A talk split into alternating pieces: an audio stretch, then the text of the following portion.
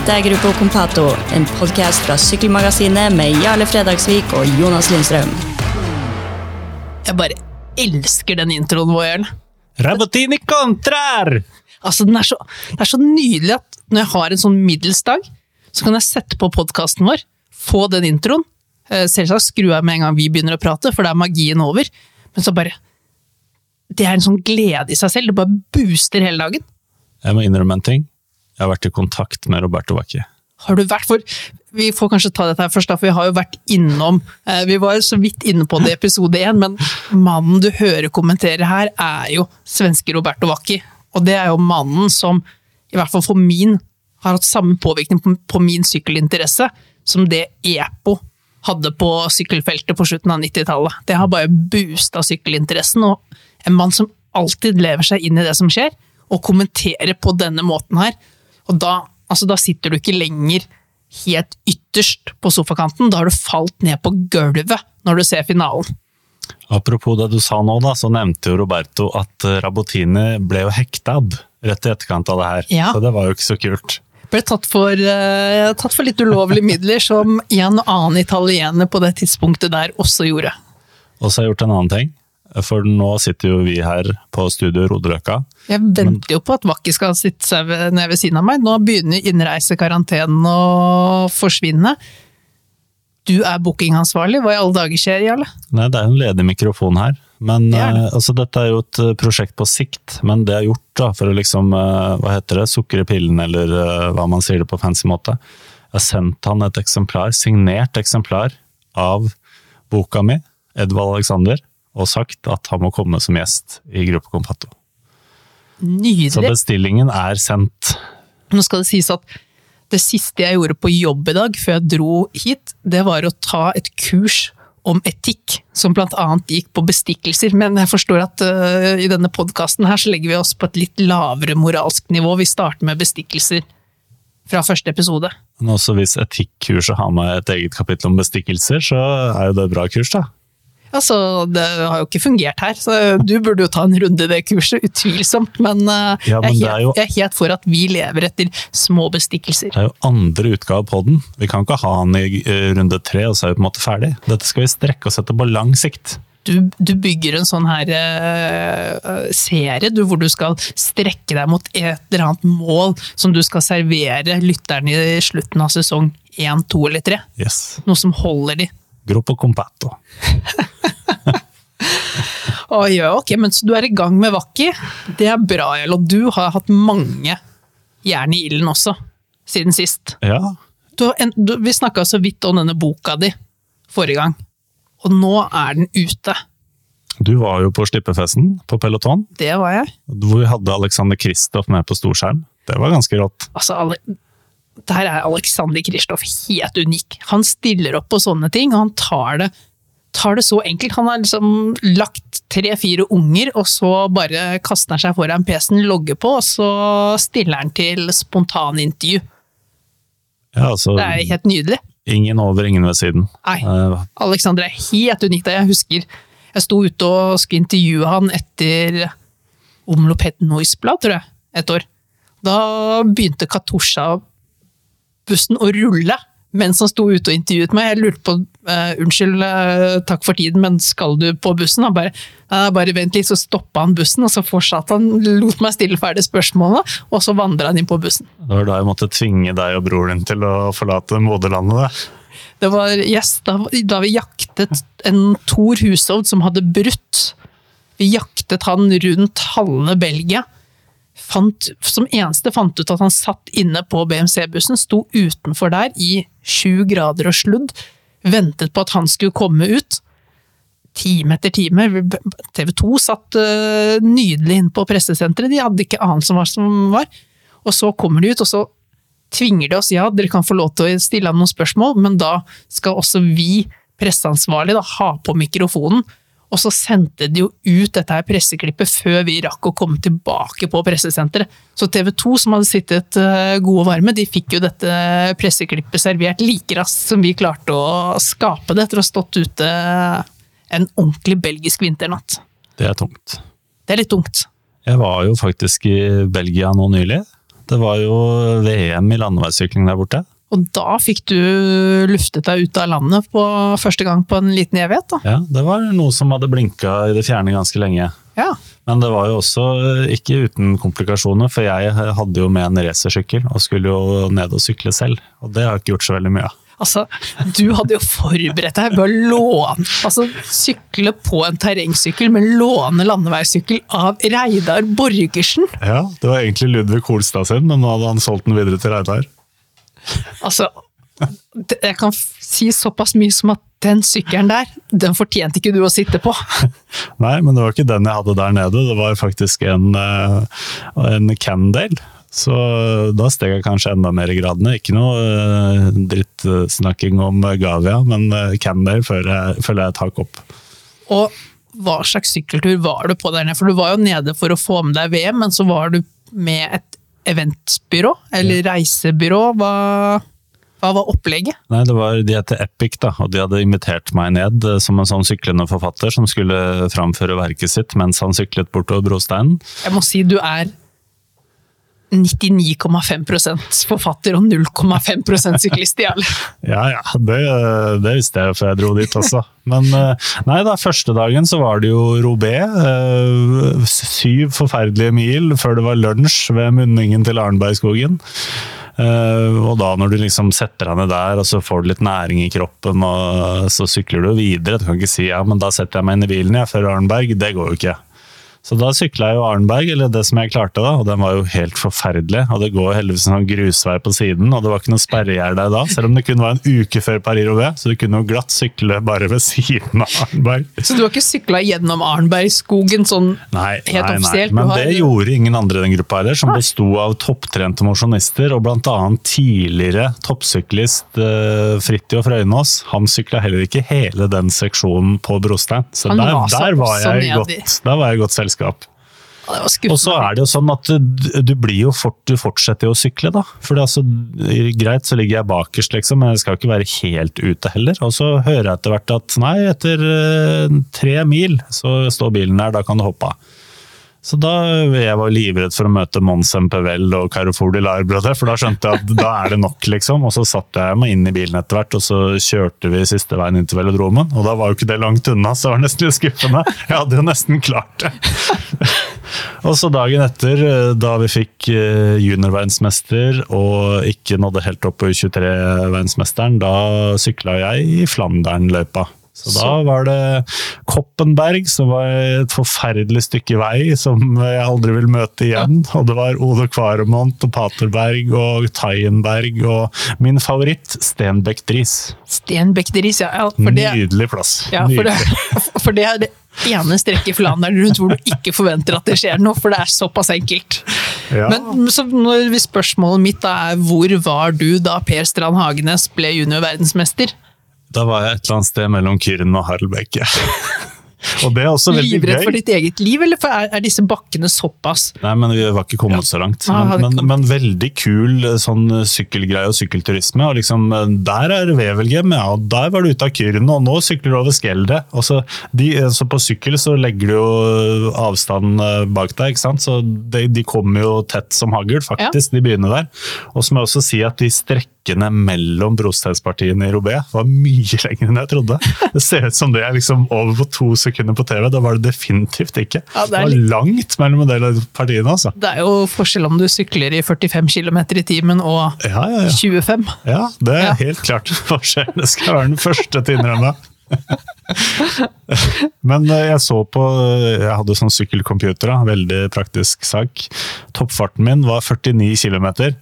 Og da sa jeg det til noen av de som jeg hadde sykla sammen med, de bare ja, men det var jo ikke med. Så spurte jeg hva var din toppfart da? Nei, det var 56, da. Så de hadde ikke kjørt så jæsklig fort, de heller. Så du, du har et sånt derre Om ikke vi kaller det Cavendish-drag, så har du i hvert fall eh, Du har noe du kan yte med over kort tid. Ok, da blir det for mye. Nå må vi videre. Er hva er det, hva er det vi egentlig skal snakke om i dag?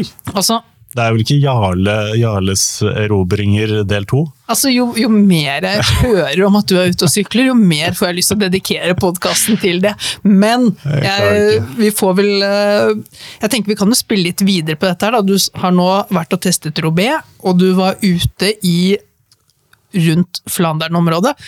Og der, altså de to områdene har jo nå servert oss på to uker to av de mest fantastiske sykkelrittene jeg kan huske å ha sett. Først VM, og så Paris-Roubais. Og jeg var vel ute på Twitter og skrev sånn at hvis sykkelritt skal fortsette å være på denne måten her på søndager, så må vi slutte arbeidsdager på mandager. For jeg blir utslitt over eh, så fantastiske sykkelritt. Kanskje spesielt Paris-Roubais, da, eller? Altså Det var jo Ja så dramatisk hele veien.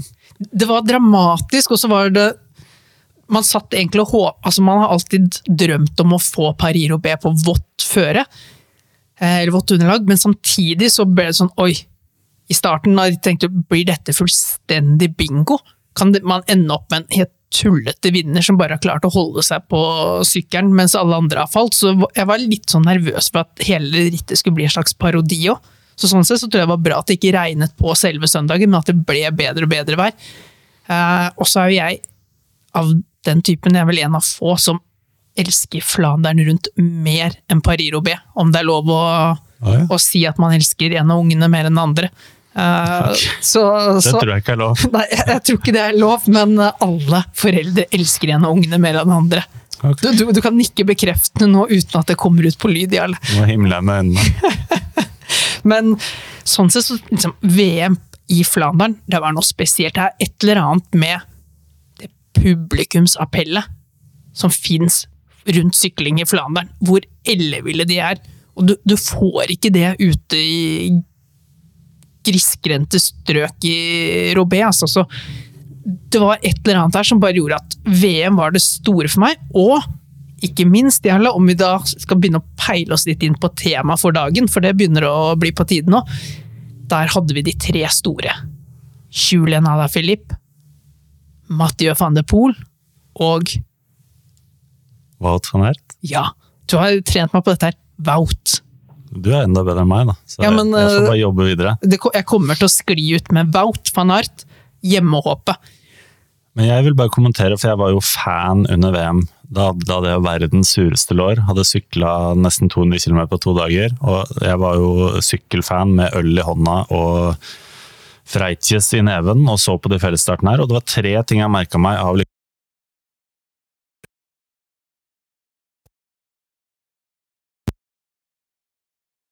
ytring mot Ala Filip.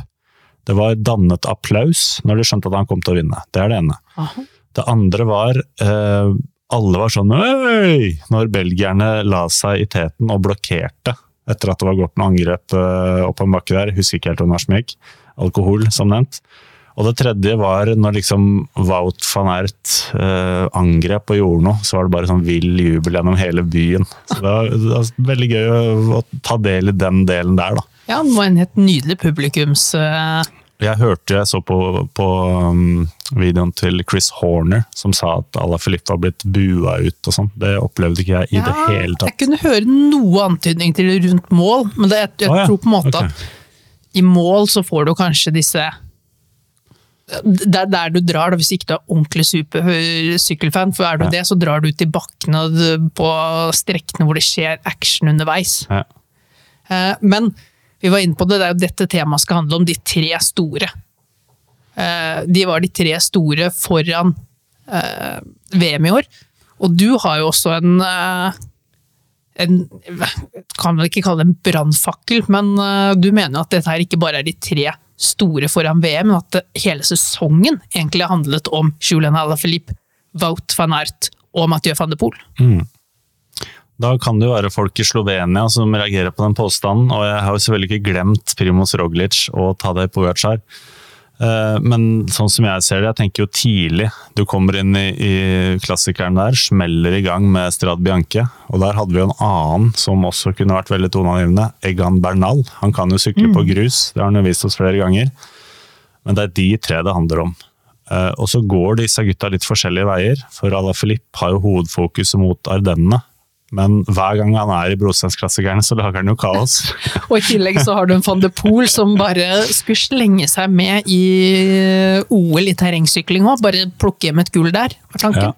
Og så tenker jeg at Brosteinsklassikerne, det er Wout mot Mathieu. Det er det ikke så mye tvil om. Ehm, og så har du selvfølgelig Tour de France, og der kan du spille opp igjen Pogacar og Roglic, men den duellen ble vi jo litt snytt eh, for. Ja, vi gjorde dessverre det. Veldig kaotisk åpning der. Eh, starter med Alle Filip, som selvfølgelig tar den første etappen og havner rett i gult. Og så har du dagen etter med et helt ellevilt show fra Mathieu van der Poel, som selvfølgelig tar trøya som bestefar Polydor aldri klarte, iført sin Mercier eh, crossover alpezin-trøye. Er det noen Hollywood-manusforfatter her som bare noterer seg ned det som skjer? Og det var jo selvfølgelig den uh, historien som ASO uh, skulle spille ut til, uh, til, folk der hjemme. Og så tar det jo litt tid med Wout van Ert, men han reiser jo derfra med, med tre etappeseiere.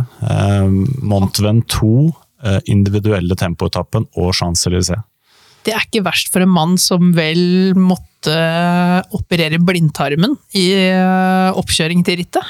Det var derfor han kom eh, inn veldig usikker på formen og brukte litt tid på, på å finne seg til rette i årets Tour de France. Og som jeg egentlig vurderte å chippe ut av mitt fantasy-lag, men jeg fikk ikke lov av deg. Det tok og... tre kvarter over telefon å overtale deg til å beholde han. Det er, det er den stående, samtalen. Og så ble den stående gjennom hele turen, og det kom bare mer og mer og mer poeng.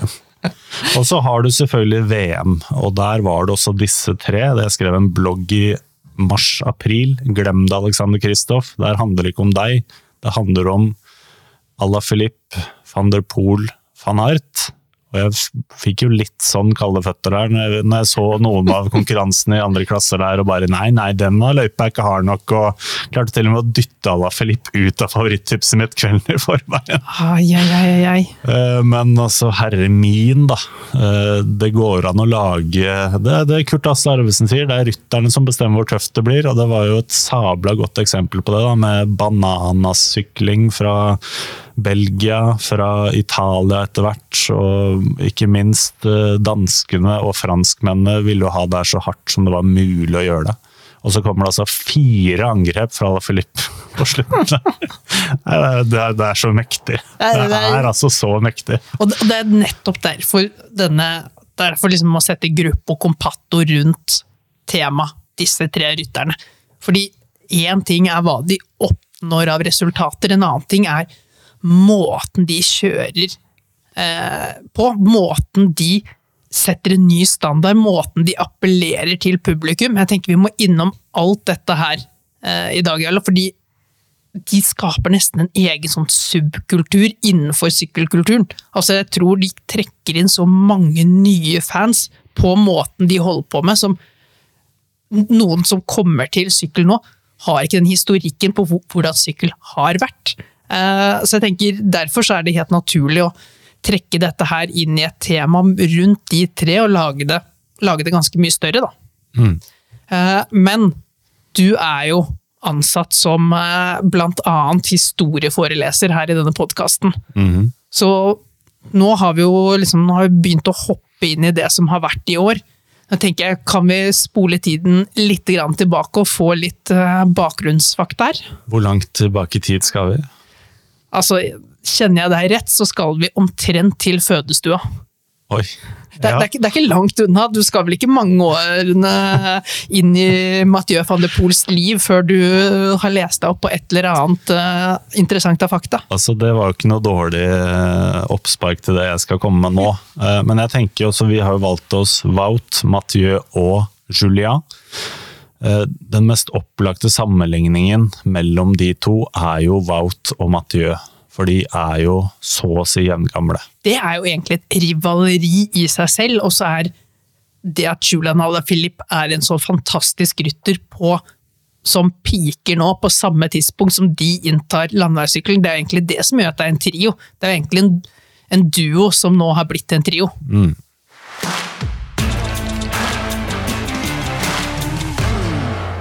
Og uh, Wout er født i september 1994. Mathieu er født i januar 1995. Så det er, jo, altså det er jo egentlig ett år mellom de, selv om det ikke er mer enn en, uh, fem måneder. Uh, og de har jo en historie som går langt tilbake i tid. Ikke for å reklamere så hinsides mye for boka mi, men litt kan du sammenligne det med Edvald Baasen Hagen og Alexander Kristoff, som også konkurrerte og var kompiser og, og, alt det der i veldig mange år. Og så blir de på en måte de to norske, største norske sykkelstjernene, i tillegg til Thor, selvfølgelig. Og, og rivaleri på veien der da, som er veldig van vanskelig å unngå. Ja, for selv om du her har en fyr fra Belgia og en fra Nederland, så er ikke det som Norge og Danmark. Altså, her er det jo Disse konkurrerer mot hverandre fra de er ganske små. Ja, Begge er jo for så vidt født i Belgia. Det er sant. Mathieu van de Poel er jo Han bor jo fortsatt i Belgia. Han er født i Belgia. Han har jo enorm tilknytning til Belgia. Han er født i Cappelen, og Wout van Ert er født i Herentals. Eh, Rick van Looy, også fra Herentals. Og Herentals er i utkanten av Antwerpen, og du er ganske nære grensa til Nederland. Um, og Mathieu, det er jo forskjell på de. Mathieu er jo den derre fødte syklisten. Altså Fra han er to år, så sykler han rundt, og han har sykkeltøy, og han dilter i beina på pappa. Uh, mens Wout han var opprinnelig fotballspiller. Han begynte ikke å sykle seriøst før han var 13. Da satsa han seriøst på sykkel. Han ble med en kompis til Nederland og sykla et cyclocross-ritt. Kan godt hende at Mathieu var med der. Jeg har lest et eller annet sted at de møtte hverandre ganske tidlig. Men uh, i 2003 så har jeg funnet en video, da tror jeg han er sånn åtte år sånn cirka Mathieu. Ja. Uh, da vinner han noe som heter Rabobank Dikkebanden Race. Der er selvfølgelig faren med, for han var jo en, en meget habil sykkelrytter sjøl. Um, Amund Grøndal Jansen har fortalt meg litt om de løpene her, og det er litt sånn Tour of Norway for kids. Og Dikkebanden. det betyr tykke dekk. Så det betyr at de sykler på cross terrengsykler i en sånn byløype på asfalt. Med Rabobank som sponsor, de som har drevet ja. uh, nederlandsk sykkel i mange, mange år. Og da Den versjonen jeg så en video av, det var liksom et stadion i Limburg, og det var uh, Rabobank-bilene sto lina opp, og det var giveaways til ungene og en stor greie. og Mathieu vinner jo, og det er jo armene høyt hevet over hodet, sånn som jeg ikke tør å prøve på sjøl på en sykkel. Men altså, du ser allerede der da, at han er så proff. Og han var jo selvfølgelig noen uh, nivåer over uh, alle allerede der. Men altså at han vinner uh, Tour of Norway for Kids, da, den nederlandske versjonen, det har jo ingenting å si. Altså, det er en sånn type ba barnekonkurranse, men det starter kanskje, kanskje der, da. Uh, og jeg vil jo si at uh, bakgrunnen hans uh, minner meg jo litt om Petter Sagan. altså at han i, Mye lek, da, eller? Ja, altså terrengsykling, cyclocross. kommer inn fra sporten den veien, faktisk. og nå må vi fortelle litt om faren hans, da. Adrien. Adrie. Adrie. Adrie van der Poel. Han er født i Bergen, det visste du? Var ikke klar over. Nei, Bergen Oppzoom, da. Ja, jeg skulle til å spørre den norske, for du har vel en Bergen i, i Florida, og du har tydeligvis en Bergen uh, i Nederland òg, da. Ja, det er i Nord-Brabant, så det er liksom langt unna grensa til Belgia. Nei. Og han vant jo da Flandern rundt, Liège-Baston-Liège, Classica San Sebastian og Amster Gold Race. Så det kan jo kanskje fortelle oss litt om hva slags type Mathieu kan bli. Altså, Han har jo aldri vunnet Tour de France sammenlagt, for å si det sånn. Så. Han ligner mer på sin far enn sin bestefar, da. Det kan vi si. Uh, og som 36-åring så ble han endelig verdensmester i cyclocross. Igjen litt annen tilnærming enn Mathieu. Yes. Uh, og han la jo opp fire år senere. Og så har du bestefaren du er innom, hvem er det? Raymond Polidor. Hva er han kjent for? Han er kjent for å være fantastisk god i Tour de France uten å vinne. Ja. evig toer. Og det er jo selvfølgelig Altså, i samme periode som han var aktiv, da, så var også Jacques Anquetil og Eddie Merckx altså Han kom liksom midt imellom de to. Det er en lei periode å ja, være syklist på. Men han har også vunnet Milano San Remo, Flesh Vallon, Paris-Nice, Criterium de Dauphiné og sju etapper i Tour de France. Ålreit for den evige toer. ja. Og hvis, vi, jeg kan jo, hvis du vil ha litt evig toer på eh, Adrian van der Poel òg, så ble han nummer to bak Greg LeMond i VM i 1983, og tok fem sølv i VM i cyclocross før han endelig klarte å vinne. Så det er en liten toer i Adri van der Pola. Det hender at Mathieu også havner på andreplass. Ja, men det er jo noe av det som kjennetegner Mathieu van de Poli, som kanskje da også har ligget i hans bestefar og fars natur, uten at vi fulgte nøye nok med på sykkel på den tiden. Jeg var jo ikke født engang eh, på den tiden eh, til å vite det, men det er noe med det her å, å kunne ofre seieren. For å kunne vinne, så må du også våge å tape innimellom. Det er veldig mange som ikke våger. De blir kanskje fire-fem, men så har du disse her som går for det, vinner noen, og så får de seg, er det noen som eh, tar bakhjulet deres da, og sniker seg forbi, men de har i hvert fall våget å prøve. Mm. En liten fun fact om Raymond Polidor, altså bestefaren til eh, Mathieu van der Poel. Han sykla Pariro B ved 18 anledninger, og ble aldri bedre enn nummer fem. Så der har vi jo allerede overgått. I første forsøk blir barnebarnet nummer tre. 18 ganger! Ja. Jeg skulle likt å se deg 18 ganger gjennom Arenbergskogen. Det virker som at én var mer enn nok. Kanskje det aldri regna. Det kan være. Og så litt om uh, Wout van Ert òg, da. Um, pappaen hans, Henk van Ert, uh, han ble født i Merseldref, som er det nordligste punktet i Belgia, like ved grensen til Nederland. Han har aldri vært noen toppsyklist. Så han kommer fra en annen, annen bakgrunn. Ja, Henk van Ert hadde nederlandske for foreldre. Så Wout har en tilknytning til Nederland. Yes. Mathieu har en tilknytning til Belgia. Yes. Og nå konkurrerer de for hvert sitt land, da. uh, uten at de kanskje føler den samme rivaliteten som det alle langs løypa gjør. Familien eh, kommer opprinnelig fra Reisbergen, og da er det over på Nederland, det er utkanten av Breda.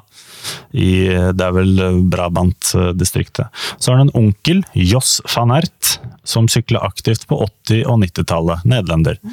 Han sykla for Hitachi, PDM og Festina. Det er jo rosenrødt bare, bare der.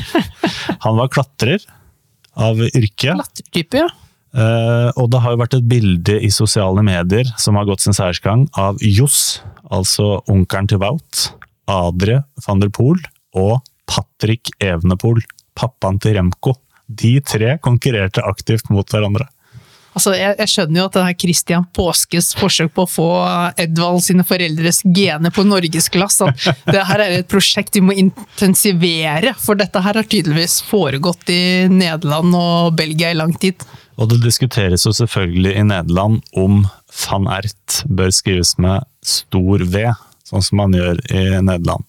Men han sier jo selv at han er uh, belgier, vi må jo tro ham på det. Men uh, hvis vi er veldig nerdete her, da. Uh, altså hadde han vært altså Den belgiske versjonen hadde kanskje vært van Art i ett ord.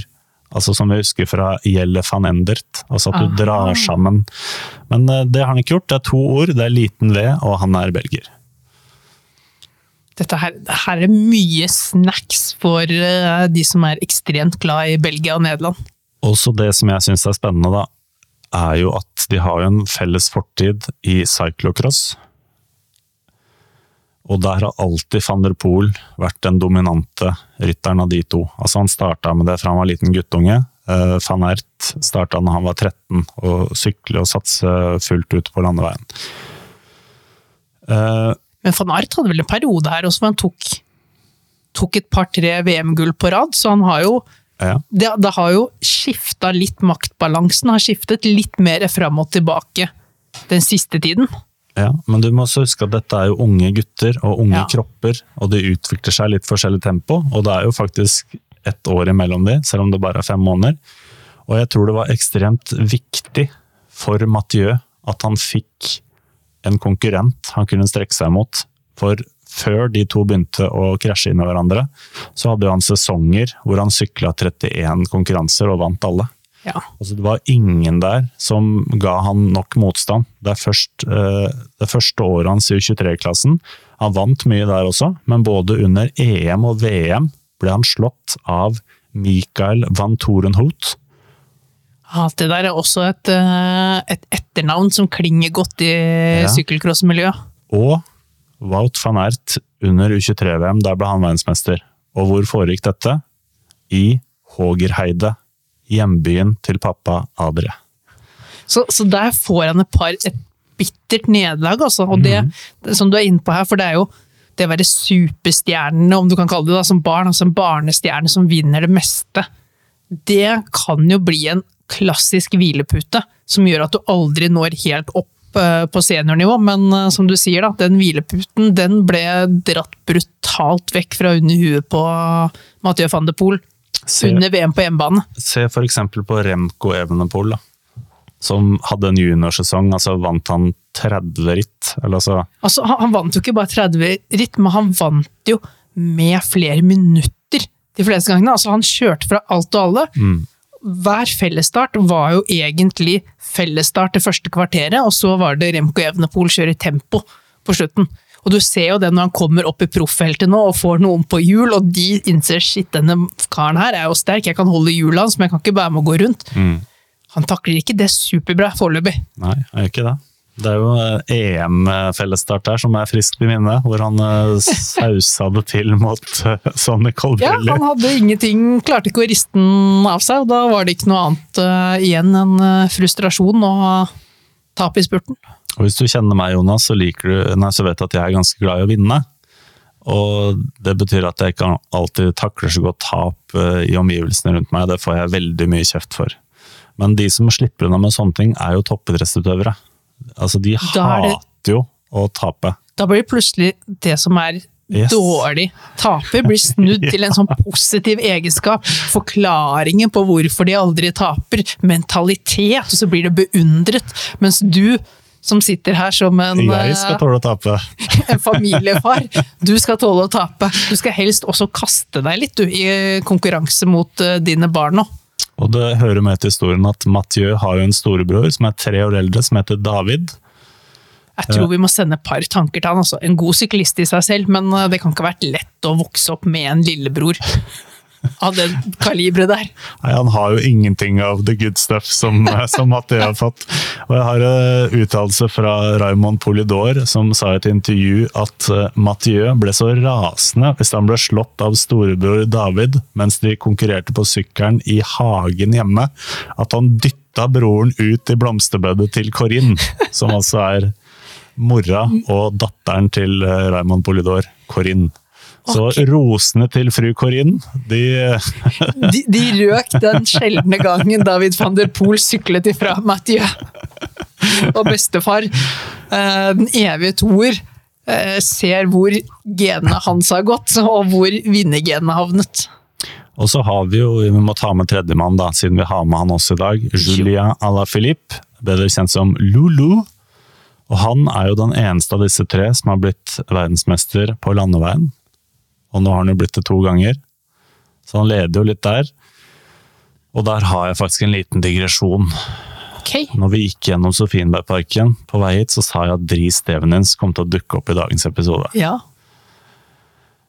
Og Og jeg, jeg tenkte med en gang første etappe i årets Tour de France, det var liksom opptrekket til angrepet til Julian Alaphilippe, men du har noe dypere her. Ja, nå har jeg røpa en del, for jeg skulle egentlig spørre om hvem Hvilken belgier tror du er mest fornøyd med at Julia Alaphilippe har blitt verdensmester to ganger? Og det er ikke Patrick Lefebvre, skulle jeg si.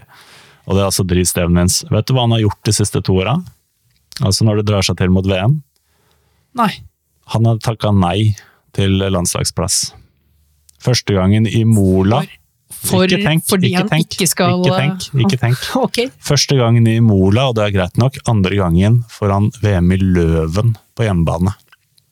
En ting som er rasende festlig, er jo at i begge de mesterskapene så har Julian Alaphilippe klart å riste av seg Wout van Ert. Og hva er det Wout van Ert har mangla? Det er en sterk hjelper rundt som kunne hjelpe til med å tette den luka opp til Julian Alaphilippe. Og det er nettopp derfor Dris Devenins har takka nei, for han vil ikke sette seg i en situasjon hvor han må trekke en belger opp til generalen hans i profflaget, der hvor Dries Stevenins er en slags løytnant. Så han har takka nei til VM-plass de siste to åra. Han er så lojal mot klubbkompisen sin, Yes. og sikkert ganske nær venn, vil jeg tro at Julian Filippa også, at han sier fra seg landslagsplassen i et håp om at det svekker eh, hans landsmenns muligheter til å vinne et mesterskap. Jeg syns jo det er fair. Altså, jeg syns det er Ja, ja. bedre enn å komme dit og gjøre en sånn Nei, Bedre enn å sabotere. den- Ja, Altså, jeg har litt respekt for det. Det, det er jeg helt enig i. Og selvfølgelig, du ser jo når han vinner i Tour de France, hvem er det som altså Askren trekker feltet, og så kommer Dris opp og sier bare 'hei, bli med meg'. Og så tar han det opptrekket, og det er jo samme type opptrekk som uh, à la Philippe Fornoy, eller har fått i VM ved begge anledninger. da. Ja. Han, altså, for en undervurdert rytter Dries Stevnins er. Ja, Om vi skal få lov til å touche inn på sånne nerdete ting òg. Men eh, ok, så her har vi Sånn sett så egentlig så kunne vi snakket om å ha en spion bak eh, fiendtlige linjer her, men eh, Dries har sett dette sjøl, trukket seg ut, og så har han rett og slett latt Julian Alaphilippe herje på egen hånd to år på rad i VM. Det vil ikke overraske noen at Dris Stevnins mener at profflagene skal sykle også der, ikke landslagene. Nei, og det, det tenker jeg at eh, det er ikke en tanke Dri Stevnins trenger å få gjennomslag for. Men jeg skal ta litt om Julien. Han er født 11.6.1992, så han er 29 år. Så han er litt eldre enn de gutta her. Eh, Han er født i Saint-Amand-Montrond, og da er vi i helt i midten av Frankrike, i Loiredalen. Og dette her er jo noe av det som er så deilig med denne. Det er ikke bare tre konkurrenter, men du har fra sykkelnasjonene Nederland, Belgia, Frankrike ligger geografisk tett, elsker sykkel. Du, du kunne jo egentlig ikke fått tre superstjerner fra noen andre land, og det blitt en bedre match. Det er så perfekt, også det geografiske bildet. Og vi kjenner han jo litt som et følelsesmenneske. Eh, Det er jo kanskje også fordi han mista faren sin eh, sommeren 2020, etter at han hadde vært syk ganske lenge. Han var for øvrig musiker, dirigent. Og han var innom Tour de France året i forveien, da Julia sykla nesten to uker i gul trøye, holdt på å vinne hele dritten. Og så døde jo han eh, sommeren etter, og da feira eller hedra, eller hva skal man si. Eh, han hedra far sin ved å vinne andre etappe av Tour de France i Nis, hvis du husker den. Så vidt han uh, spurtslo Mark Hirschi Yes. med en Yates på hjul, var det ikke det? Eh, Sistemann i gruppa der. Og selvfølgelig ble han også verdensmester i Mola eh, for første gang, og begge triumfene dediserte han til sin far. Og det, det er så passende at han har en kunstner av en far, for dette her er jo ikke bare en bohem eh, av en mann, men det er jo en kunstner av en rytter. Dette er jo en, en mann som sjeldent vinner på noe annet enn spektakulært vis. Men du Jonas, du er jo den framgangsrike, vellykkede, suksessrike Lindstrøm-broren. Ja. Det er jo en lillebror i spill her også, og det er det selvfølgelig også med Det- Julia Alaphilippe. Jeg, jeg, jeg føler at det er godt du bruker à la Philippe-sammenligning, og ikke van de Pool-sammenligningen på Lindstrøm-brødreforholdet her. Det liker jeg godt. Det er altså en Brian, Brian? eller eh, Brian, som vi sikkert har sagt i USA. Jeg tror Eh, han eh, syklet for dette her franske militærlaget. Ja, det stemmer. Han er blitt nummer ni i GP Denain, og vant for to år siden en etappe under Ronde Loise. Han var en ålreit spurter på sine beste dager, mens jeg husker. Ja, han er ikke helt uh, tapt eh, bak en stein. Eh, og en ting som jeg syns er viktig med Julia, er jo at han har en bakgrunn fra cyclocross. Har han også en bakgrunn? Yes, det er litt mindre kjent. Yes, sir. Vi har tre CX-utøvere. Julia, Mathieu og Wout. Eh, Julia ble nummer to i junior-VM i cyclocross i 2010. Og hvis du tar de andre to på podiet der, så får du en posetvist. Ja, det kommer jeg ikke til å klare. Juniorklassen, var det du sa? Ja. Nei, det Jeg vet du ikke klarer det. Gull til Thomas Papska. Altså det er seriøst fem vokaler etter hverandre. like greit at han ikke ble noe Nei, stor kons suksess. konsonanter, mener jeg. Eh, fra Tsjekkia. Og bronse til Emiel Dolfsma fra Nederland. Ja. Og han Thomas han er fremdeles aktiv cyclocross- og terrengsykkelutøver. Ok. Ja, mens eh, Dolfsma ble plukket opp av Rabobank Development eh, og avslutta karrieren i 2014 med 78. plass i Hadeland GP og 41. plass i Ringerike Grand Prix. Det er utrolig hvor eh, denne sykkelverden kan føre et menneske. Ja. Fra de store høyder til de, om ikke dype daler, så litt, litt lavere topper. Så da syns jeg vi har i hvert fall presentert de tre. Eh, Det er litt sånn eh, mellom Nederland og Belgia en plass, og så har vi det franske alibiet, og så har alle cyclocross-bakgrunn. Alle er vokst opp med lek på sykkelen, de har god balanse. Ja, er jo kanskje ikke sånn veldig like utover det, men da har i hvert fall plassert de inn Ja, i sammenhengen. så Bra. Også, jeg føler noe av det som også eh, er likhet blant de nå, er at de har jo alle tre landet og på en måte funnet sitt hjem i proffverden nå. Eh, Jeg vet Wout van Aert kom jo inn eh, via cyclocross-lag, og det var en litt mer tung reise eh, til Jumbo Visma. Men Julian Alaphilippe har jo gått gjennom quickstep-systemet. Eh, innom eh, dette Etix-laget, heter vel, eh, som var rekruttlaget, der både Markus og Daniel Holgaard eh, var en tur òg. Og så har du jo Mathieu van de Poel, som eh, har holdt seg til dette Alpezin Phoenix-laget, som vi kjenner de som nå, og har skrevet lang kontrakt der òg. Så dette er jo ikke noe, det er ikke snakk om noen folk som hopper fra det ene gode tilbudet til det andre. De har funnet seg til rette i sine respektive lag, og får være en dominerende faktor i de lagene sine.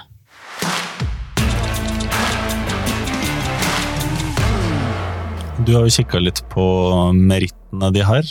Eh, vil du si Ja. at altså hvor uh, Vi må kanskje si at for uh, Mathieu og Wout så kommer overgangen for fullt da, fra uh, cyclocross over til landevei. Det starta jo litt i 2018, men jeg tenker det er liksom 2019, den litt amputerte 2020-sesongen, og 2021, som er de tre sesongene hvor de har begynt å plukke seire, eh, monumenter, i den grad de kan De er jo fortsatt unge Ja, i landeveissyklingen, så det er jo Vi snakker jo ikke om folk på slutten av sin karriere, og her sitter vi og oppsummerer alt de har fått til. Det er jo bare sånn foreløpig. Eh, og det er to ting som slår meg, da, Øle. Det ene er mye fine seire, men det andre er faktisk at med tanke på hvor fantastisk de tre er, og at det er tre fantastiske ryttere, hvor lite de har vunnet òg.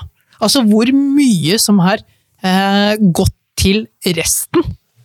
Eh, om man kan si det sånn. For hvis du setter deg ned, så ser du på eh, Se på disse fem monumentene vi har. Og så har jeg gått tre år tilbake i tid, og vi sier vi har ikke fått gjort unna Lombardia enda. Siste to årene der. Ingen av disse tre har vunnet noen av utgavene. Liège, Baston, Liège de siste tre årene. Ingen av de har vunnet noen av utgavene. Paris-Roubais. Ingen av de har vunnet noen av de tre. Så har du én av de siste tre vinnerne av Flandern rundt. Der har vi Mathieu van de Poel. Og så er det jo Milano San Remo, da, hvor de har vunnet to av de siste tre.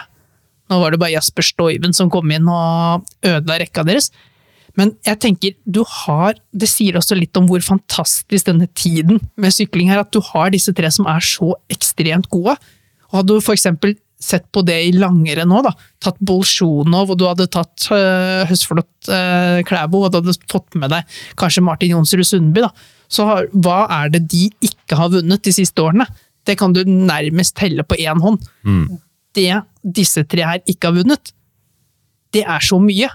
Men samtidig så har du gjort det fantastisk bra. Altså, du har Ala Filip med to VM-seire på rad. Du har et Milano San Remo, du har en Strade Bianche, du har San Sebastian. Og så har du seks etapper i Tour de France. Og ikke minst, du har femteplass sammenlagt. Og det er det som er litt, litt artig, om jeg skal begynne å sammenligne noen av disse rytterne litt på tvers. Da. Hvis du har, jeg vil jo egentlig si at Wout van Aert er den mest komplette rytteren av de tre. I den form at han, som vi så i Tour de France nå, da, han kan vinne fjelletappe, han kan vinne tempo, han kan vinne spurt, og han kan gjøre det tre dager på rad.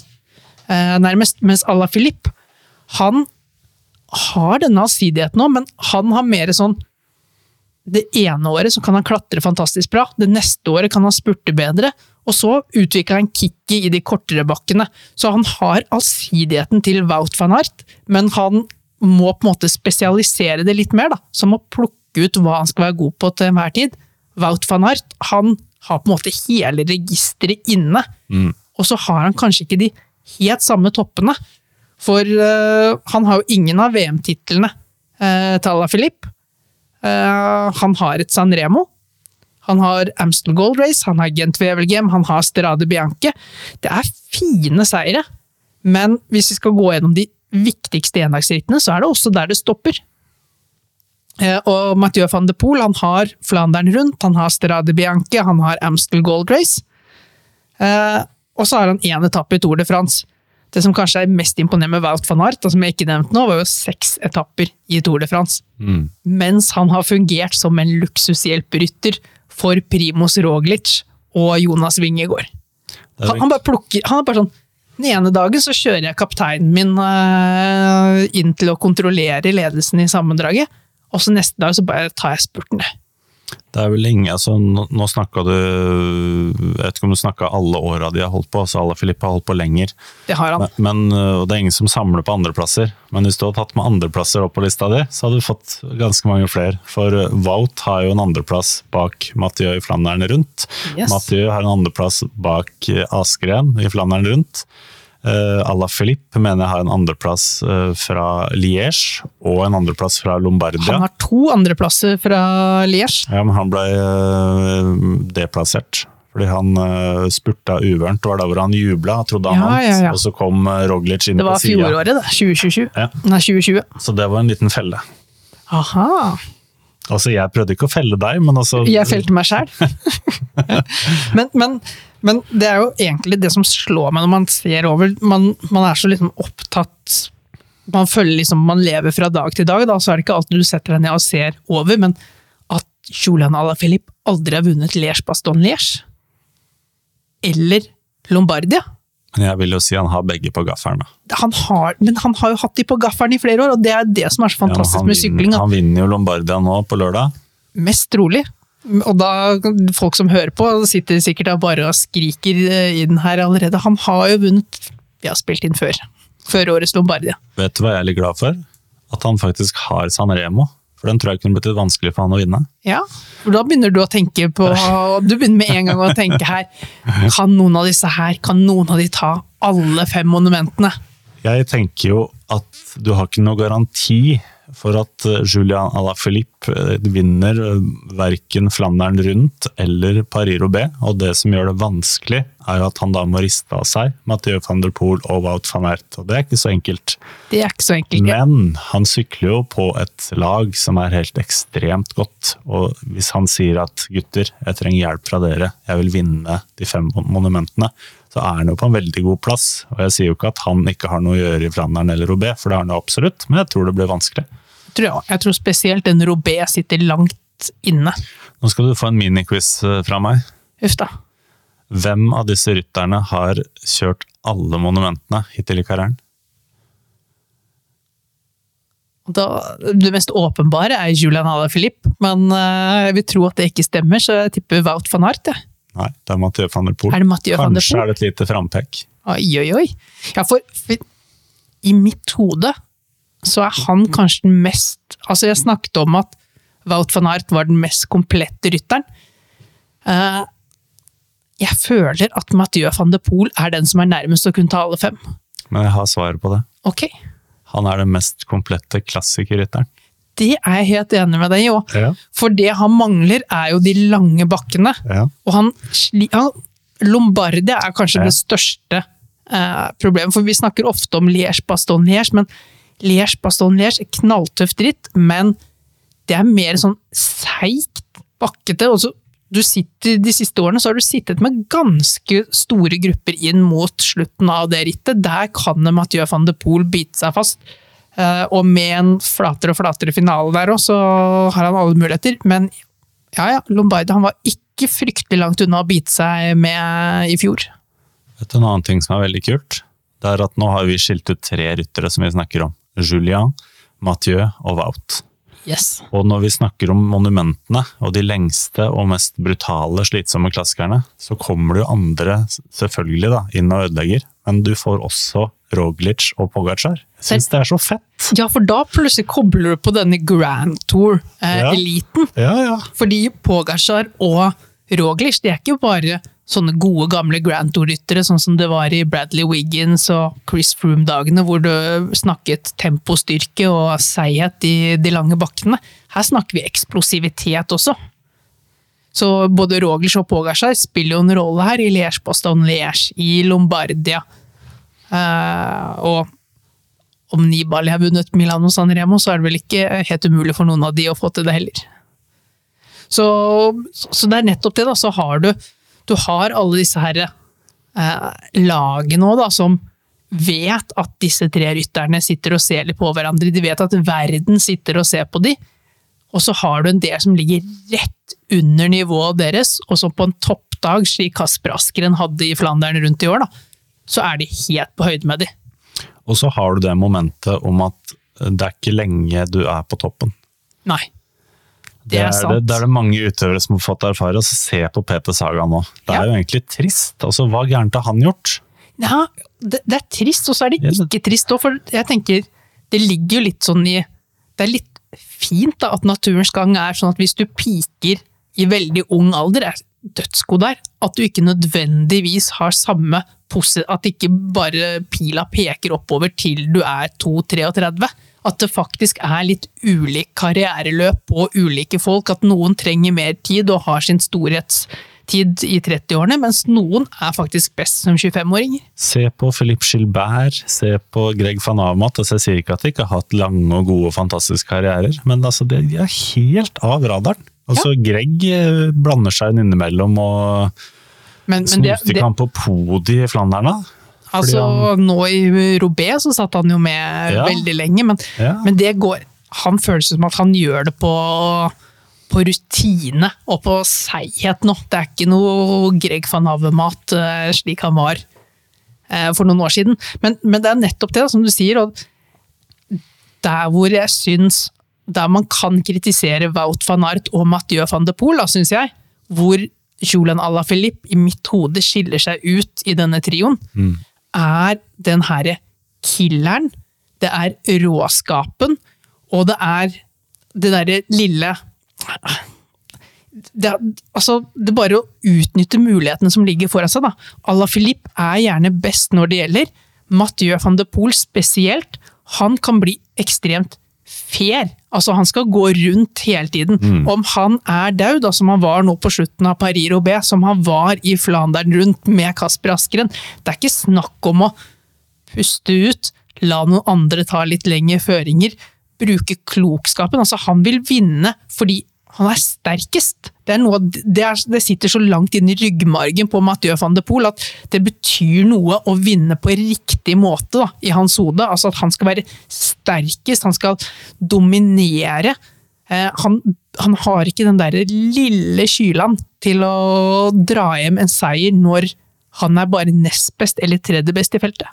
Men er det ikke det vi vil ha? Skal vi sitte og kritisere det? Altså, Altså- Den der defekten oppi hodet hans som bare sier Nå må du roe deg ned, Matheo. Nei, nei, nei, jeg angriper. Jeg angriper. Det er jo, det, det er jo den som gjør at jeg, jeg liksom, hvis jeg skal sette merkelapp på Mathieu av disse tre, da, så eh, kaller jeg han publikumsfavoritten. Ja. Helten. Han er jo altså Når små barn og ungdom drømmer om å bli sykkelstjerner, så er jo ikke det de drømmer om å sitte på hjul til andre og kaste sykkelen fram de siste 20 meterne og vinne. De, de drømmer om å gjøre som Mathieu van de Poel, angripe fem mil fra mål og vinne solo. De har ikke lyst til å bli Sonny Colbrelli, for å si det sånn. Kan være at det er en og annen italiensk uh, jeg, vil, jeg, må unge bare, som jeg må bare spille inn sagaen igjen, for han fikk jo en del kritikk tidlig i karrieren. Ble også nærmest altså, litt som Sonny, da. Ja. Sånn latterliggjort sånn du blir bare nummer to, og du vinner jo aldri, og du bruker for mye krefter. Men altså, sagaen er entertainer. Det er Mathieu også. De, jeg tror de driter litt i det.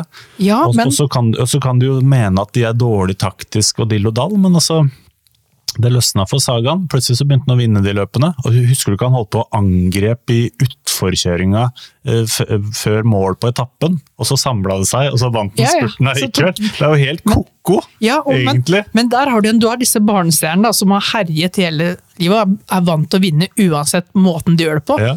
Så har du Peter Sagan, fikk jo den der, han kom da til proffverden, tok den med storm, og så plutselig så folk visste hvem han var.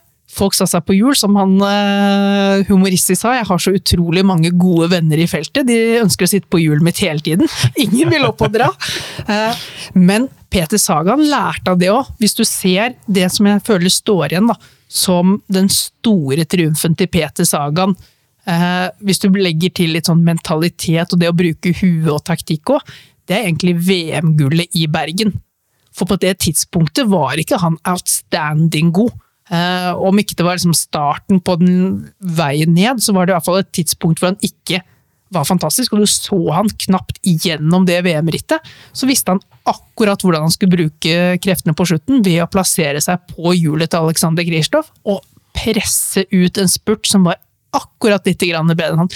Det var én måte han vant et sykkelritt på, som Mathieu van de Poel fortsatt har til gode å knekke den koden. Mm. For hvis ikke Mathieu van de Poel er 100% så brenner han like fullt av krefter som om han var 100% og så vinner han ikke. Skal vi ta noen sånne highs and lows i karrieren til de gutta her, for det synes jeg også er gøy. Altså, ja. Det er jo noen fantastiske, episke dueller her, og så er det andre ganger det går fullstendig på trynet. Kjør på. Ja, hva, hva, husker du, da? Som er liksom det, det største altså, opplagt? Uh, Julia, uh, Mathieu, uh, Wout. Hvor, hvor, er det du husker de best fra? Du var innom Tour de France-åpninga. Ja. Ja, ja, altså Tour de France-åpningen i år var jo et sånt voldsomt kapittel. Det var jo Man fikk alt man ønsket. Man ønsket egentlig at Mathieu van de Poel skulle få gul trøye og klare det hans bestefar aldri hadde klart. Samtidig så hadde jo hjemmehåpa Julian Alaphilippe til at han også skulle vinne og få den gule trøya. Uh, så det passet jo perfekt at Alaphilippe klinka til med et støt i første bakken, tok den gule trøya, og Mathieu van de Poel tok over han etterpå. Men hvis jeg skal ha en høydepunkt i Julian Alaphilippes karriere, så føler jeg nesten at det var det da han ble femtemann sammenlagt i Tour de France. Hadde den gule trøya i en liten evighet, mm. og der spørsmålet dukket opp kan han klare det. Kan han klare det? Men altså femteplass, kan vi telle den femteplassen, egentlig? Altså, altså da, da, han leder jo han fram til den etappen ja. blir nøytralisert pga. et jordskred, eller hva vi skal kalle det. Men det er jo derfor jeg føler vi kan telle det, for hadde han ligget på femteplass gjennom hele rittet, og vært en litt anonym Haimar Sobeldia-variant uh, av en femteplass i Tour de France, det hadde ikke kledd en mann som Julian Alaphilippe. Men det at han overraskende ledere. Og det var snakk om Han gjorde det på Julian Alaphilippe-måten først. Mm. Angrep i noen kuperte avslutninger. Tok etappeseier, fikk noen sekunder der. Så litt mindre klassisk Julian Alaphilippe ved å vinne tempoen. Befeste posisjonen der, og så begynner han å henge med i fjellene. Da, der, da spilte han ut hele spekteret sitt på én og samme gang, noe som jeg sa er veldig uvanlig for han, da, for han tar heller egentlig og spesialisere seg litt, men akkurat det året der så spilte han ut hele spekteret i ett Tour de France. Ala Filip har jo hatt to gjesteopptredener som jeg husker i Flandern rundt. Det første var jo i 2020. Den er jo ganske legendarisk. Det kan vel kalles en av nedturene. Til Ala Filip? Ja. Ja, altså Da sitter jo alle og venter på duellen mellom disse tre. Og Da er det jo Ala Filip. Han går til to ganger, i hvert fall over eh, Tyenberg. Og så tror jeg han begynner på Stenbeck-Dris, altså mitt favorittparti. Der lager han litt show. Uh, nei, nå, nå, sa jeg det for egentlig feil. Uh, Van Ert går etter de over Stenbeck-Dris, sånn at Aha. de tre er samla i front foran Tyenberg. Og der holder de følge med hverandre, for den er faktisk ikke så bratt. Nei. Det er bare bunnen som gjør utslag i Tyenberg. Ja, altså, Tyenberg er fantastisk å sprenge et felt, men det er veldig vanskelig å kjøre fra i mindre grupper. Ja. Og så er det jo ikke så mange kilometerne etter det, så sitter jo de og svimer, de gutta der. da, Og Ala Filip øh, kjører jo rett inn i en følgemotorsykkel. Etter at van der Poel på mirakuløst vis liksom klarer å svinge unna i siste øyeblikk. Ja, men har han, han har på en måte oppsøkt litt denne motorsykkelen, for han skal ja, ja, ja. ha litt grann le, og så er det sånn derre svinger ut i siste liten, og så blir det mye spørsmål. Var det, var det liksom dårlig sportsmanship av han? Burde han aldri lagt seg bak der? Men, men dette er jo sånn, dette er jo tre kunstnere på sykkelen. Lekne folk. De mm. regner med at uh, man svinger unna en far i siste liten. Det har de gjort i 15 år allerede. Ja. Og da ender vi, opp, ender vi, opp, med den klassiske duellen hvor det bare er van de Poel og van Ert er framme. Og feltet er jo ikke langt bak, men de holder det liksom akkurat på passe avstand. Et, I mål tror jeg ikke det er mer enn åtte sekunder eller noe sånt. Ja.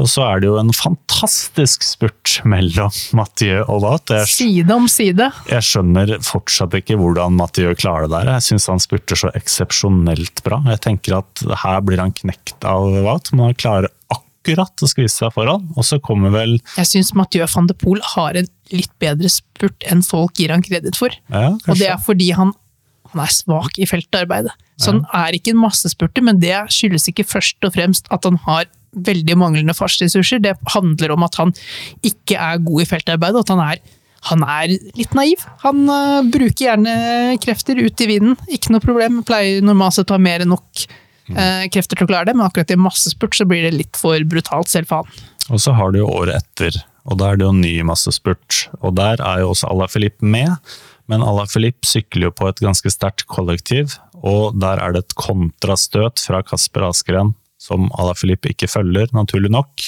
Og da blir han sittende i gruppa bak, og da ender det opp med Mathieu van der Poel I tomannsduell.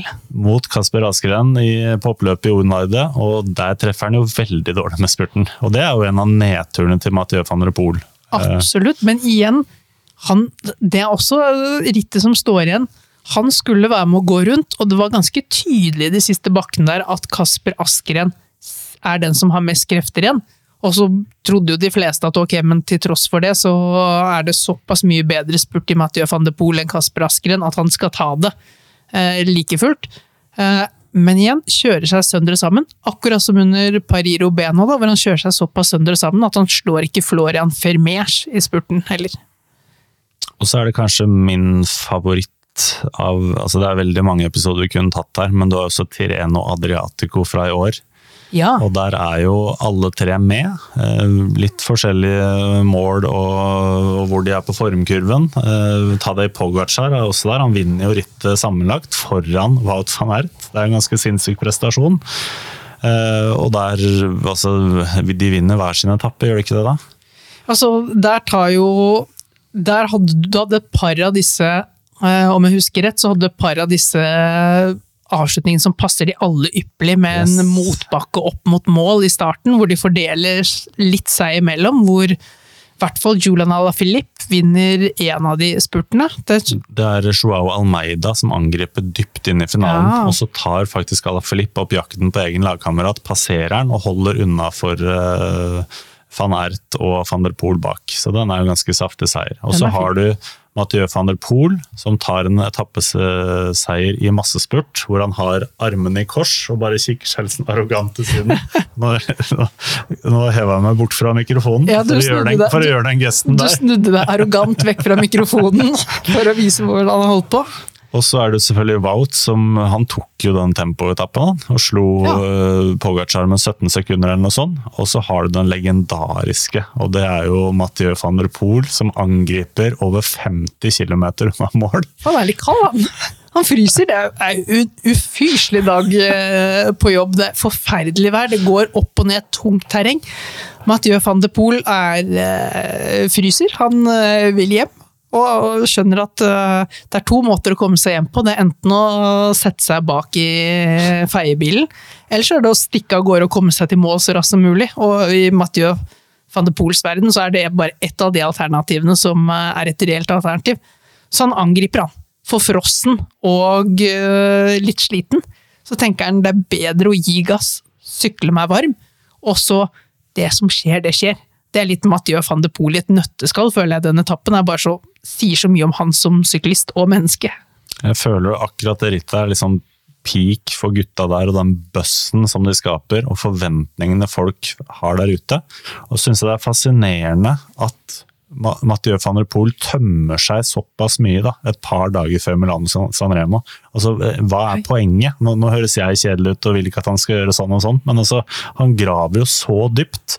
Og så har du Wout van Ert, som selvfølgelig graver veldig dypt, for han blir jo nummer to sammenlagt der, og begynner jo å herje på, på fjelletappene. og ja, er sånn skremmende sterk, og så har du Ala Filip som er litt sånn av og på, og han skal jo ikke han sykla vel San Remo, men det er ikke noe sånt kjempemål for han. Han, har Han, han skal ikke være i form så tidlig, for han har Ardennene som er litt senere enn ja. øh, Så de, de er på, på, på vei til litt forskjellige steder, men eh, det er bare med å liksom sette det momentumet. Og, De bare spiller ut hele registeret. Det var vel var det ikke i Terreno Adriatico? En av få ganger var det første gang hvor de alle tre deltok, og ingen av de vant.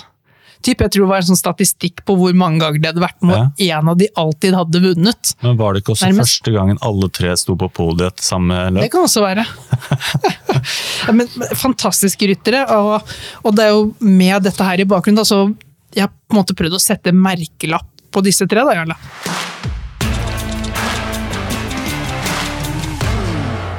Uh, og jeg var inne på her Mathieu van de Poel, der satte jeg merkelappen 'publikumsyndlingen'. Og det er nok også noe Julian Alaphilippe hadde kledd, den merkelappen. Men på han så jeg satt den meritterte.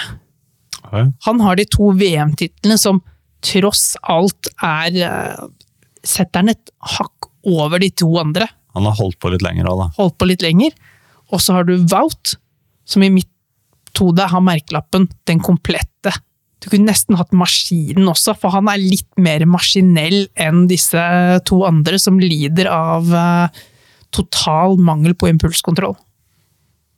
Jeg frykta du hadde grå mus jeg, på Aert. Nei, altså det, det, det, det er det som er så synd, for hvis man begynner å snakke om disse tre, så er det så lett at man setter, setter sånne grå mus-stempel på Wout van Hart. Det er liksom en av de mest fantastisk underholdende rytterne vi har hatt noensinne.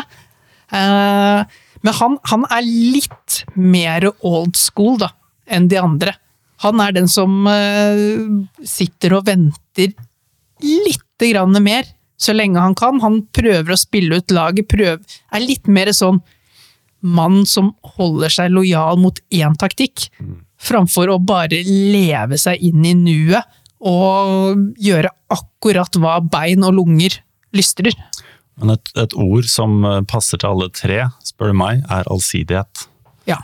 Og kanskje det passer dårligst Nei, det, jeg kan ikke si det. Jeg tenker bare det jeg tenkte når jeg skal si hva jeg tenkte. Uh, altså, Jeg ser på Mathieu som den mest rendyrka klassikerrytteren av de tre. Jeg klarer ikke helt å se for meg at han skal vinne Tour de France en gang, han skal Jeg tror liksom... aldri han går Grand Tour-rute. Jeg tror heller ikke det, men jeg kan ikke si at han ikke er allsidig når han holder på med cyclocross, Han terrengsykling, er allsidig på en, helt, han er allsidig på en annen måte. Ja. Men han, han, han trenger det eksplosive, det impulsive, de tingene der. Mm. Så lenge han har det, så kan han gjøre det innenfor alle de elementene som tillater det. Men å sitte i tre uker og skulle spare krefter, spare krefter, spare krefter for å bruke det opp en siste fjelltopp og på en tempo, det blir aldri Mathieu van de Poel. En annen ting som jeg syns er veldig interessant, er jo at f- det derre cyclocross-konseptet, hvor det er bare tut og kjør i én time, og så Ja. er du ferdig. Det er jo nesten så langt unna Milan og San det er mulig å komme. Hvor de, da Wout van Ert vant i august 2020, så sykla de i 7 timer og 18 minutter. Og det har jeg lest om han, at å liksom øh, transformere seg fra CX-utøveren, hvor det er tut og kjør en time, og det er liksom samme hva slags energi du bruker. Og, altså, jeg skal ikke si at alle klarer det, men altså Nei, Litt ydmykhet etter denne turen din nedover til Belgia tror jeg er på sin plass. Men, men det der er jo noe Team Kristoff, som jeg kaller det, har jobba veldig mye med. Da. At Ja. du skal liksom Konkret. jobbe i fem og en halv til seks timer og gå på karbohydratlagrene, nei, på fettlagrene, før du begynner å bruke opp karbohydratene. Altså, Ja. Det er jo en, en egen vitenskap, de greiene der. Ja. Men det må være ganske vanskelig for Wout van eksempel. Da. Og, og Mathieu van der Poel liksom komme fra den grenen der. og så De tok jo overgangen til landeveien gradvis, men altså det er jo vidt forskjellige eh, ting og konkurranseelementer. Ja, og Mathieu van de Poel er vel den som har gått på et par sånne smeller der. Eh, VM i Yorkshire eh, blant annet, hvor han altså punkterer sånn fysisk sett ut av hele gullkampen. Når man det lå så til rette for han. Eh, men det er som du Etter å ha animert hele greia. Da, Ja, ja, selvsagt, selvsagt.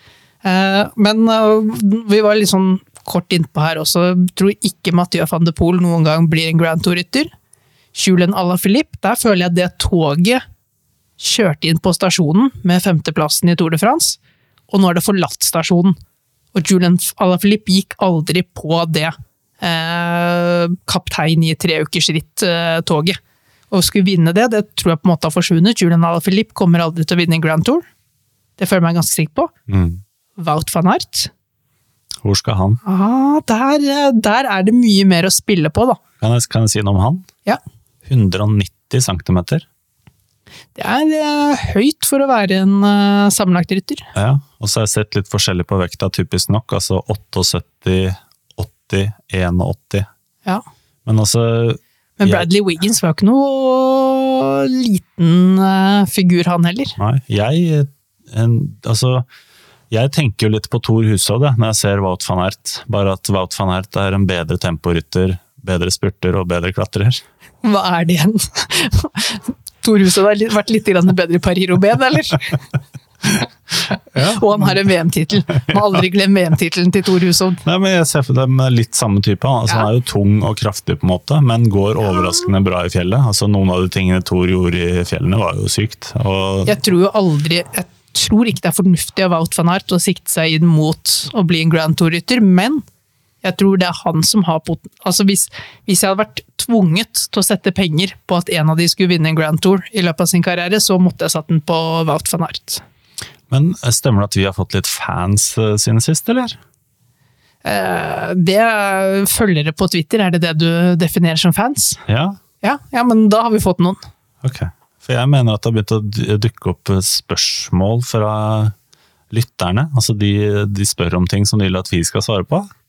Altså, spør de, eller stiller de spørsmål på oppfordring fra oss? Nei, det vet jeg ikke. Jeg har bare sett at uh, Det, det er ikke meningen å spille oss dårlig, altså det er bare litt denne her realismen oppi det hele. Jeg har fått et spørsmål her. Det er fra Tor Øyvind Teigen. Har vi en norsk à la Philippe, van der Poel eller van Ert? Hvis ikke, hvilken nordmann kan best sammenlignes med en av disse? Jeg tenker at sånn som eh, situasjonen er i dag, så er det én mann som er betydelig nærmere å være den typen enn eh, de andre, og det er Markus Olgaard. Oi, jeg trodde du skulle si Per Strand Hagenes. Ja.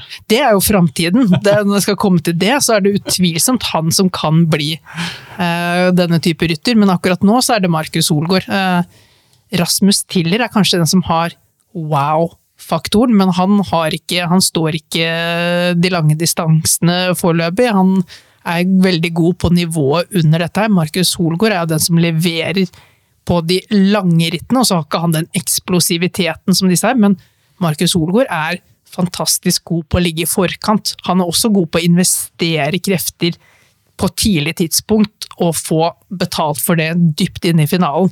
Der føler jeg han har, sånn sett har han litt den mentaliteten da, som uh, à la Philippe, uh, van Art og van de Poel har. Jeg går helt andre veier. jeg. Sier eh, Per Strand Hagenes og Tobias Halland Johannessen.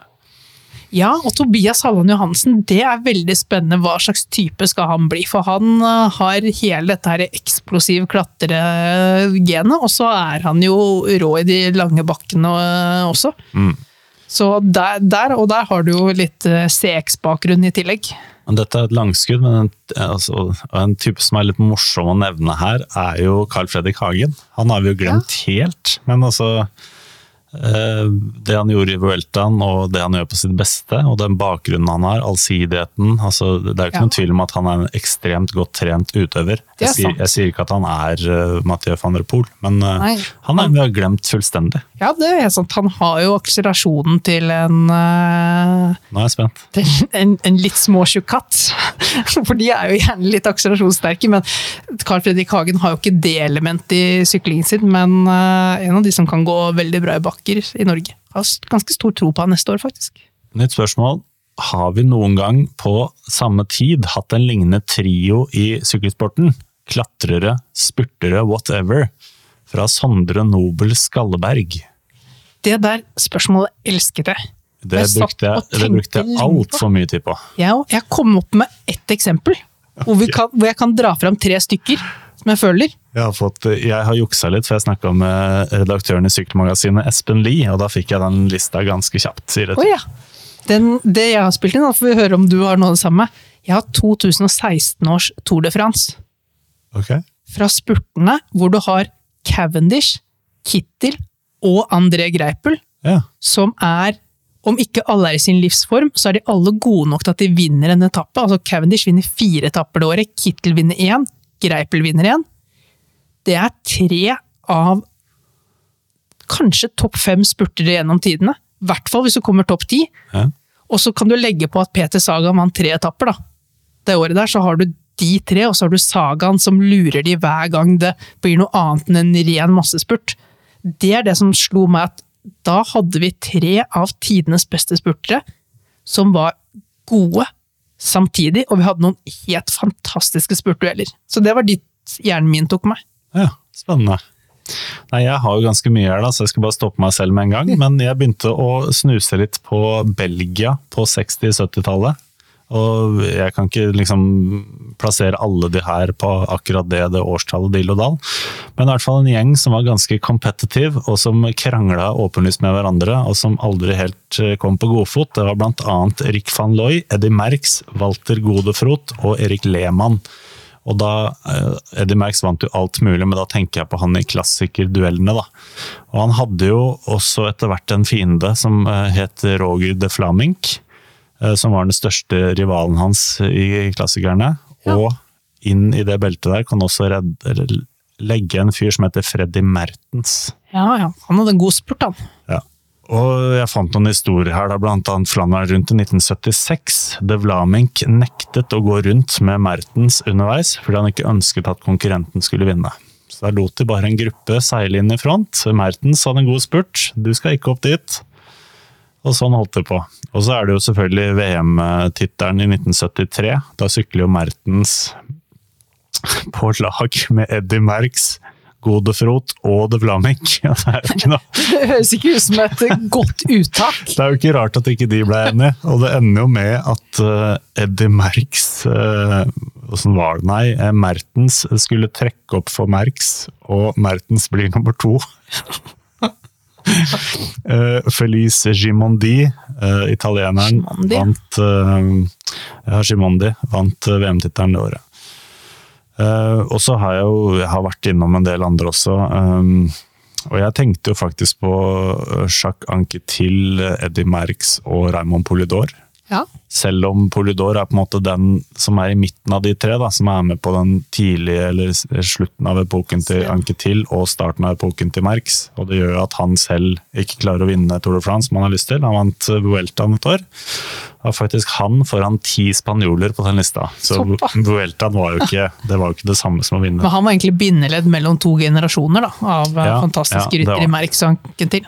Og så har du jo Coppi, Bartali og Magni. Da Ja. er vi, jo- Magni, da er vi på, på 40-tallet. Um, og så kan du jo ta Greg LeMond, Bernard Hinault og Finot, eksempel. Men da er du også igjen De toucher innom hverandres karriere, men de er ikke på topp samtidig. Og den her fikk jeg også spilt inn fra Espen, men jeg syns den var litt fin. Tom Bonen, Fabian Cancellara og Alessandro Ballan. Ja, ja, ja. Ballan ble verdensmester. Det Han ble verdensmester. Han tok Flandern rundt et år, om jeg husker rett. Nå, jeg skal aldri ja, aldri stemmer det. Det stemmer det. improvisere for mye med historikk, for det glemmer jeg for fort. Men han var litt, var litt kort på topp. Alessandro Ja. Ballan hadde en eh, ganske kort karriere her på topp, men eh, det, det er ikke et dumt innspill. Jeg tror bare altså, han Er det lov å si at han var karismaløs, Alessandro Ballan? Spesielt for å være en italiener. Du forventer litt mer. Han, eh, det var liksom ingenting å hente der. Jeg- Ingenting å grave i. En veldig lite spennende type. Jeg dekka jo Flandern rundt for TV 2 det året Ballan vant. Og det var jo grusomt. Altså, hvis du skal komme hjem derfra med noen gode sitater eller en god Ja. historie, så var ikke det at Ballan Det var ikke riktig mann. Nei, det var definitivt, definitivt feil mann. Har du uh, merka deg noen spørsmål, eller? Jeg fikk jo eh, Det var vel et spørsmål her om Fins det noen fjerde rytter som kan gjøre denne trioen til en kvartett? Ja, er det det noen var- som banker på døra der? Det var fra Theis Magelsen i Discovery Plus. Aha. Ja, og, og der er det sånn I mitt hode så var det et selvsagt navn som poppet opp. Og så jo mer jeg drev og tenkte rundt, jo flere alternativer var det òg. I mitt hode, det selvsagte navnet var Tom Pidcock.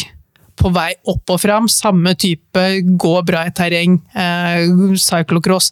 Viste i Brabantsi Pil hvilket enormt toppnivå han har. Eh, god spurt, eh, god til å klatre de korte bakkene, kommer garantert til å klare seg godt på brosteinen. Men så har du jo altså Sonny Colbrelli har jo blitt en ny mann i år. Han er jo den som per nå, hvis de skulle tvunget det inn i en kvartett nå, så måtte du nesten lagt Sonny Colbrelli. Så har du en Remco Evenepool som kan eh, bli litt spennende å følge de neste årene, som er offensiv til 1000. Du har en Matei Mohoric som banker på døra. altså Du har en, en del lignende typer, da, og felles er vel offensive, eksplosive eh, og litt sånn utradisjonelle typer. Det, det spørs jo hvilken sånn samlepose vi skal dytte de her oppi. Altså, det er jo litt forskjell på à la Philippe uh, van der Poel og van Art også. Det her er jo ikke kopier av hverandre, og det, det liker også at de tvinger litt ut det beste av hverandre. Jeg tror Julian Alaphilippe, for eksempel, han Det kicket han har i de bratte, korte bakkene nå, det tror jeg han har sett at dette her er det hvor jeg har et lite fortrinn mot Mathieu van der Poel og Wout van Art. Det her skal jeg utnytte til det fulle og det hele. Han hadde ikke vært så god på akkurat det i dag, hvis ikke de to hadde pusha han så langt som de har gjort nå. Jeg vil påstå at Mathieu van der Poel hadde ikke vært så god som han er i dag, hvis ikke Wout van Aert kom inn fra siden og begynte å pushe han. Og et annet moment er at når vi snakka om monumentene i stad, hva har du vunnet og ikke? Det er veldig mange om bein her, og monumentene er det vanskeligste å vinne. Og med de som du har nevnt rundt her, så kan man forstå at ikke eh, Matti har vunnet Flandern rundt tre ganger, og at van Ert ikke har vunnet San Remo tre ganger. Og så vil de det så mye, og de vil gjøre det på den riktige måten, og de blir sett på, de må ta mer ansvar. Og det er ikke snakk om at det er det som er så deilig med den sykkelsporten. Eh, grunnen til at jeg elsker den over de fleste andre idretter, er at det er så mange på så høyt nivå. Så de skal ikke mer enn å bruke 1 eller 2% mer krefter enn konkurrentene før det er helt level playing field. Og plutselig så er Kasper Askren bedre enn Mathieu van der Poel. Jeg har jo sittet og sett ganske mye YouTube-videoer for å forberede meg på den sendinga her.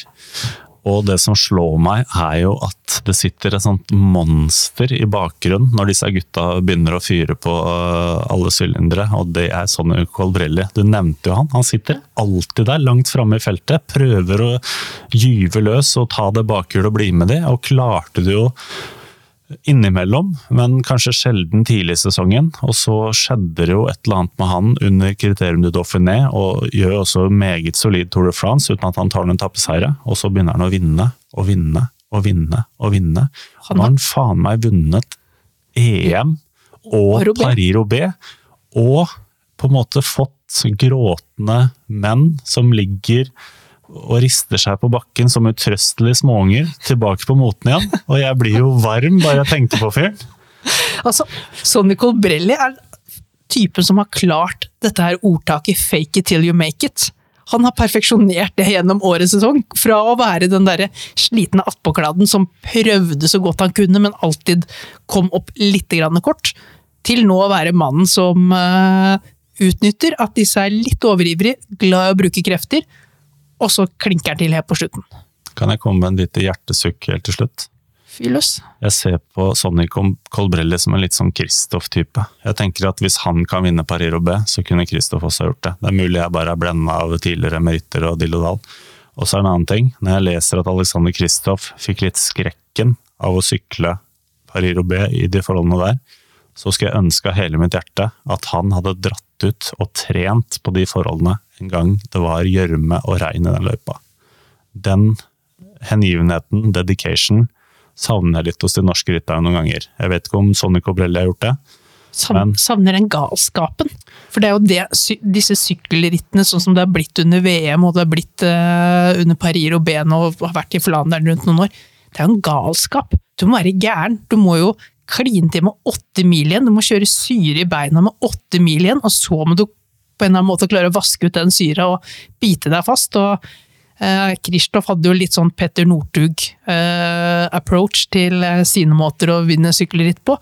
Eh, vi trenger, og da håper jeg jo det her eh, Per Strand Hagenes med Per Strand Hagenes i rykket, at det er litt fremtiden til norsk sykkelsport. Av måten vi kan svare litt opp på den trenden som, som ligger ute i sykkelverdenen nå. Og så du Mathieu van der Poel inn og ut av de svingene på de forholdene der? Altså, han, han fikk jo luke hele tiden, og så Nicol Brelli måtte jo jobbe det han var god for de første 30 meterne ut av hver eneste sving.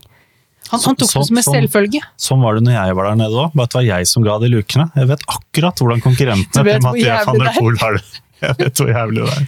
Vet du hvordan Colbrelli har det også, som klarte å tette lukene, eller var det noe du aldri fikk til? Men det var en gang det var en fyr som slapp seg ned og liksom tok hjelperjobben og fikk meg opp i gruppa igjen. Da ble jeg så rørt. Dris Stevenins! Din egen personlige i Stevenins. Jeg, jeg fant min dris i Robé. Å, det er nydelig. Og med det så føler jeg at vi har satt litt gruppo compatto her igjen, Jarle. Nå, nå har vi vært høyt og lavt. Det er tre fantastiske ryttere som ikke bare er fantastiske i seg selv, ikke bare er fantastiske i en trio, men som definerer litt den tiden vi er inne i i sykkelsporten nå. Etter den sykkelturen min så har jeg virkelig begynt å sette pris på gruppe og Compatto. Jeg trodde du skulle si at du hadde begynt å sette pris på, på bussen, men eh, Det var kanskje mer presist, men, men de få gangene du kommer deg opp igjen da, og faktisk sitter i feltet Så deilig er. Ja, Så koselig det er. ja, der, eh, stillstand kan også være en behagelig, behagelig opplevelse. Tusen takk for at du lyttet til vår podkast. Husk å rate oss, ranke oss, spre ordet, sende innspill via Twitter, og ha en Retweets.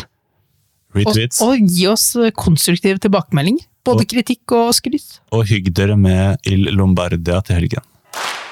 Gruppo Compato er en podkast fra Sykkelmagasinet. Denne podkasten ble produsert av Medievekst.